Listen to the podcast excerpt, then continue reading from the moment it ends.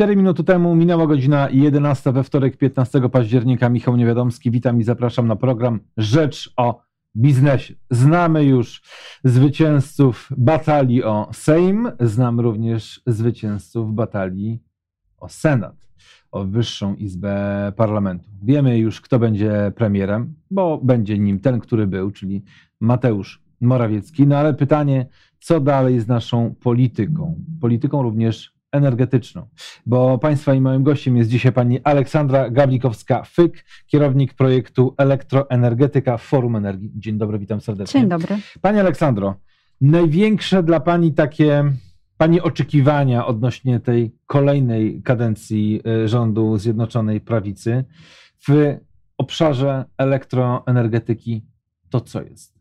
Właściwie oczekiwanie jest stałe i niezmienne e, i jest takie samo jak w poprzedniej kadencji, czyli przyjęcie polityki energetycznej, a nie tylko pokazanie projektu, ale mhm. przyjęcie finalnej wersji polityki energetycznej Polski do 2040 roku.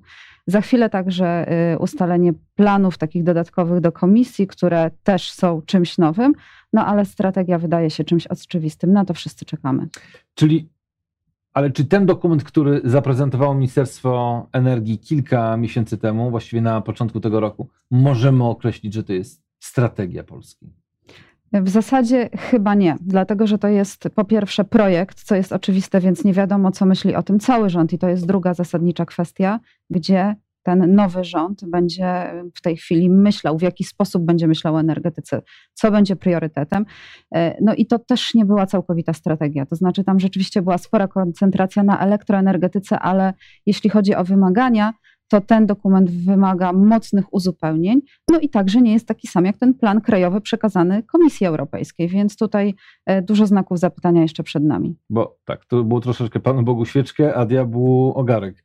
Trochę, trochę na, tak. na, użytek polityki wewnętrznej był PEP, czyli polityka energetyczna państwa, a trochę na użytek e, e, unijny była ta strategia, plan na rzecz energii i klimatu. Ale czy to, co wydarzyło się mm, w ostatnich kilkunastu miesiącach, czyli radykalny wzrost cen uprawnień do emisji CO2, a co za tym idzie wzrost cen energii, one są teraz zamrożone, ale wiadomo, że te dwa mhm. czynniki nie uległy zmianie, czyli wysoka cena e, węgla na rynku krajowym, bo to jest ten absurd, że na rynkach zagranicznych, w portach ARA ten węgiel jest e, tanieje, no a z drugiej strony cena uprawnień, która oscyluje w okolicach 30 euro za, za tonę.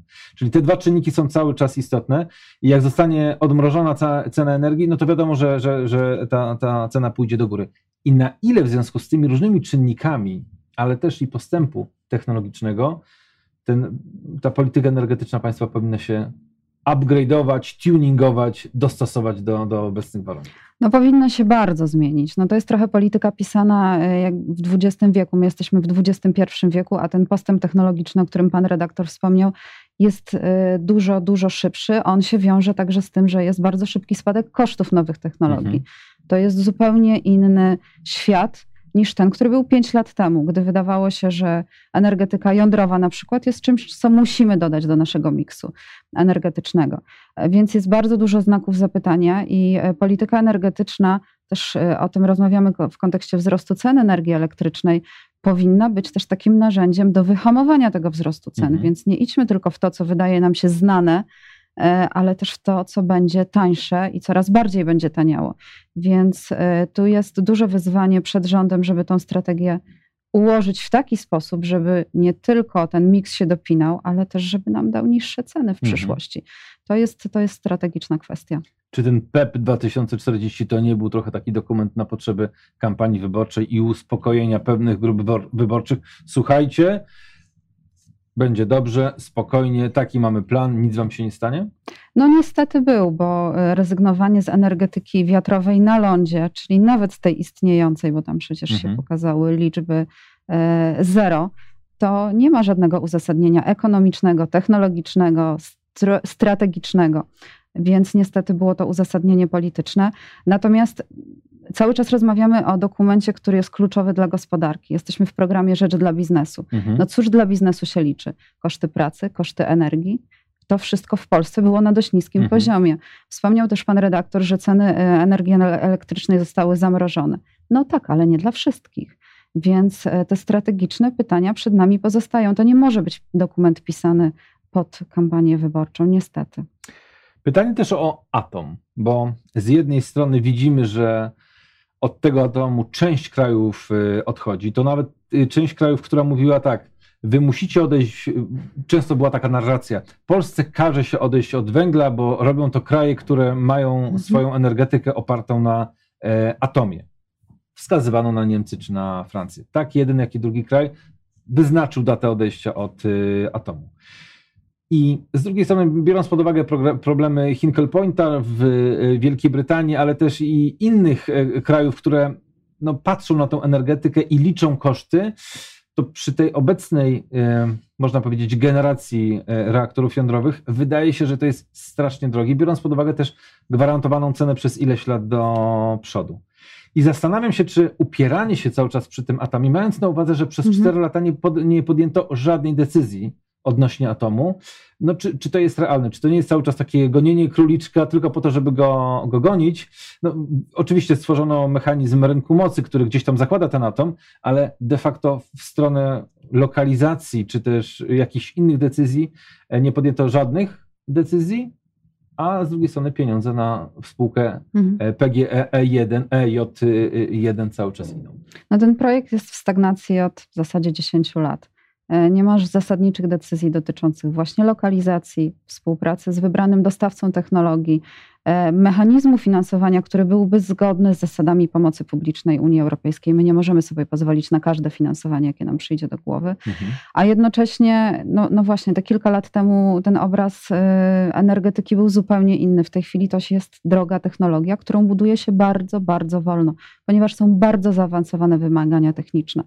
W związku z tym pytanie, czy e, dość celnie to też się w branży pojawia takie określenie, czy atom nie przeminął już z wiatrem. Mhm. Być może przewinął przeminął. Wszystko na to wskazuje. My powinniśmy tę decyzję podjąć wczoraj, w zasadzie na początku kadencji tamtego rządu, żeby zdążyć z atomem, ponieważ my będziemy mieć dużą dziurę e, w wytwarzaniu energii elektrycznej, bo tak to obrazowo trzeba mhm. nazwać, ze względu na to, że jednostki węglowe będą wycofywane z wielu powodów, nie tylko koszty e, emisji CO2 czy, czy wysokie koszty surowców, węgla, między innymi węgla, ale także przez to, że my mamy ten majątek wytwórczy bardzo stary, mhm.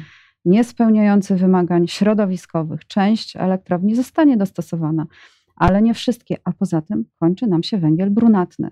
Więc jeżeli się mocno wczytamy w politykę energetyczną, ten projekt, ze stycznia mm, tego roku, e, z końca ubiegłego mhm. roku, przepraszam, ze stycznia to był, to był plan krajowy. Jeżeli się wczytamy w te dokumenty w zasadzie łącznie, to widać, że ten atom jest po to, żeby wypełnić dziurę w węglu brunatnym, po węglu brunatnym. Nic z tym złego. Tylko e, to, co my podkreślamy jako Forum Energii, to no, czas najwyższy to zrobić, bo, bo ta dziura mhm. E, jest coraz bliżej. Ten węgiel brunatny będzie kończył się szybciej, bo jest e, w tej chwili spalany szybciej, on jest tani po prostu. I, I co wtedy? No nie ma planu B w polityce energetycznej. Jeśli nie atom, to co? No, może właśnie nie warto się już upierać.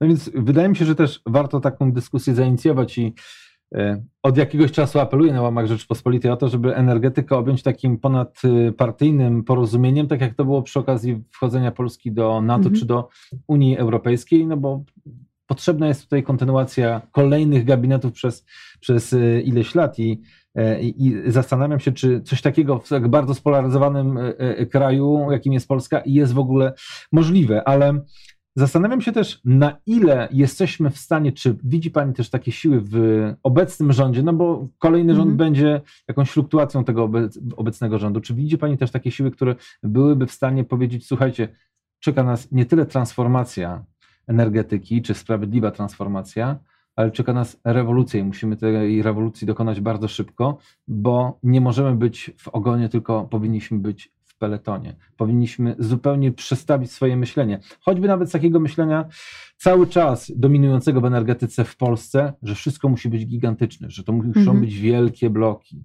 wielkie linie przesyłowe, z którymi jest problem, bo choćby przykład linii 2 razy 400 kV pod Warszawą pokazał, że mieszkańcy nie chcą mieć kabli nad, nad swoimi głowami. Trzeba było te linie z Kozienic w zupełnie inny sposób e, wyprowadzać. Że ta energetyka, jak mawiał profesor Żmijewski, no powinna być po prostu rozproszona. Czy jest na to szansa? To się już dzieje. Czy ten czy inny polityk to widzi?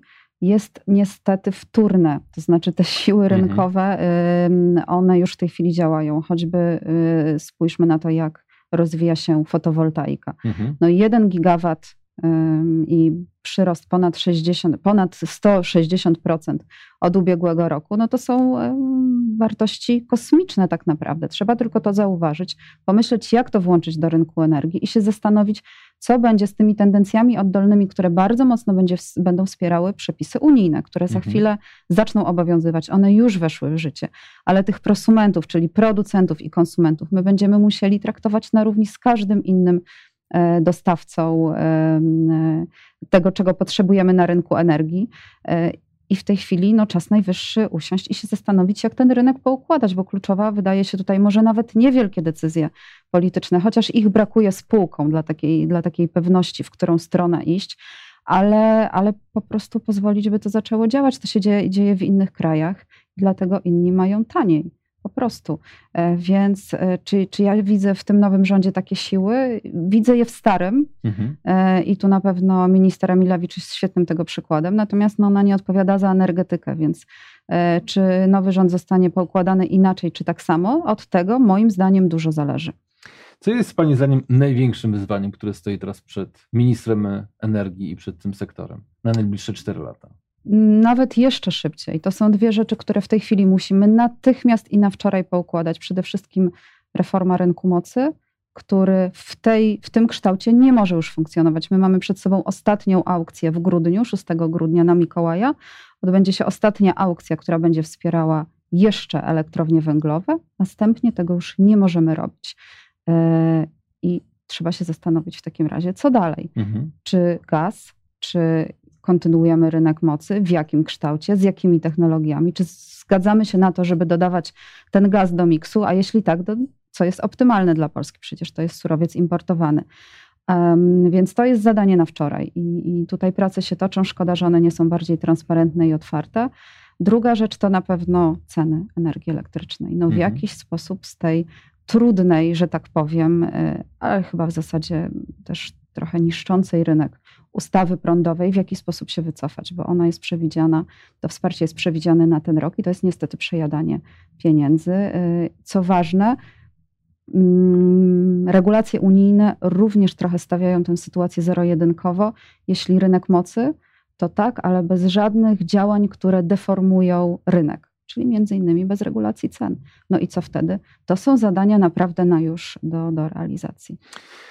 O czym mówiła pani Aleksandra Gablikowska-Fyk, e, kierownik projektu Elektroenergetyka w Forum Energii. Bardzo dziękuję za wizytę w studio, dziękuję. bardzo dziękuję za rozmowę. Będziemy do tego tematu oczywiście wracać, bo zadań w naszym sektorze energetycznym jest oczywiście cała masa. Jak choćby kwestia węgla. W poniedziałek e, nie odbyła się e, spotkanie na temat Lex Węgiel, czyli specustawy, która miała umożliwić bez oglądania się na samorządy czy społeczność lokalną e, i projektowania, czy też rozpoczęcia inwestycji węglowych, czy to na Śląsku, czy to we wschodniej Wielkopolsce. To tyle dzisiaj w programie Rzecz o biznesie. O godzinie 12 program prosto z parkietu, a o 13 rzecz o prawie. Michał Niewiadomski, dziękuję i do zobaczenia.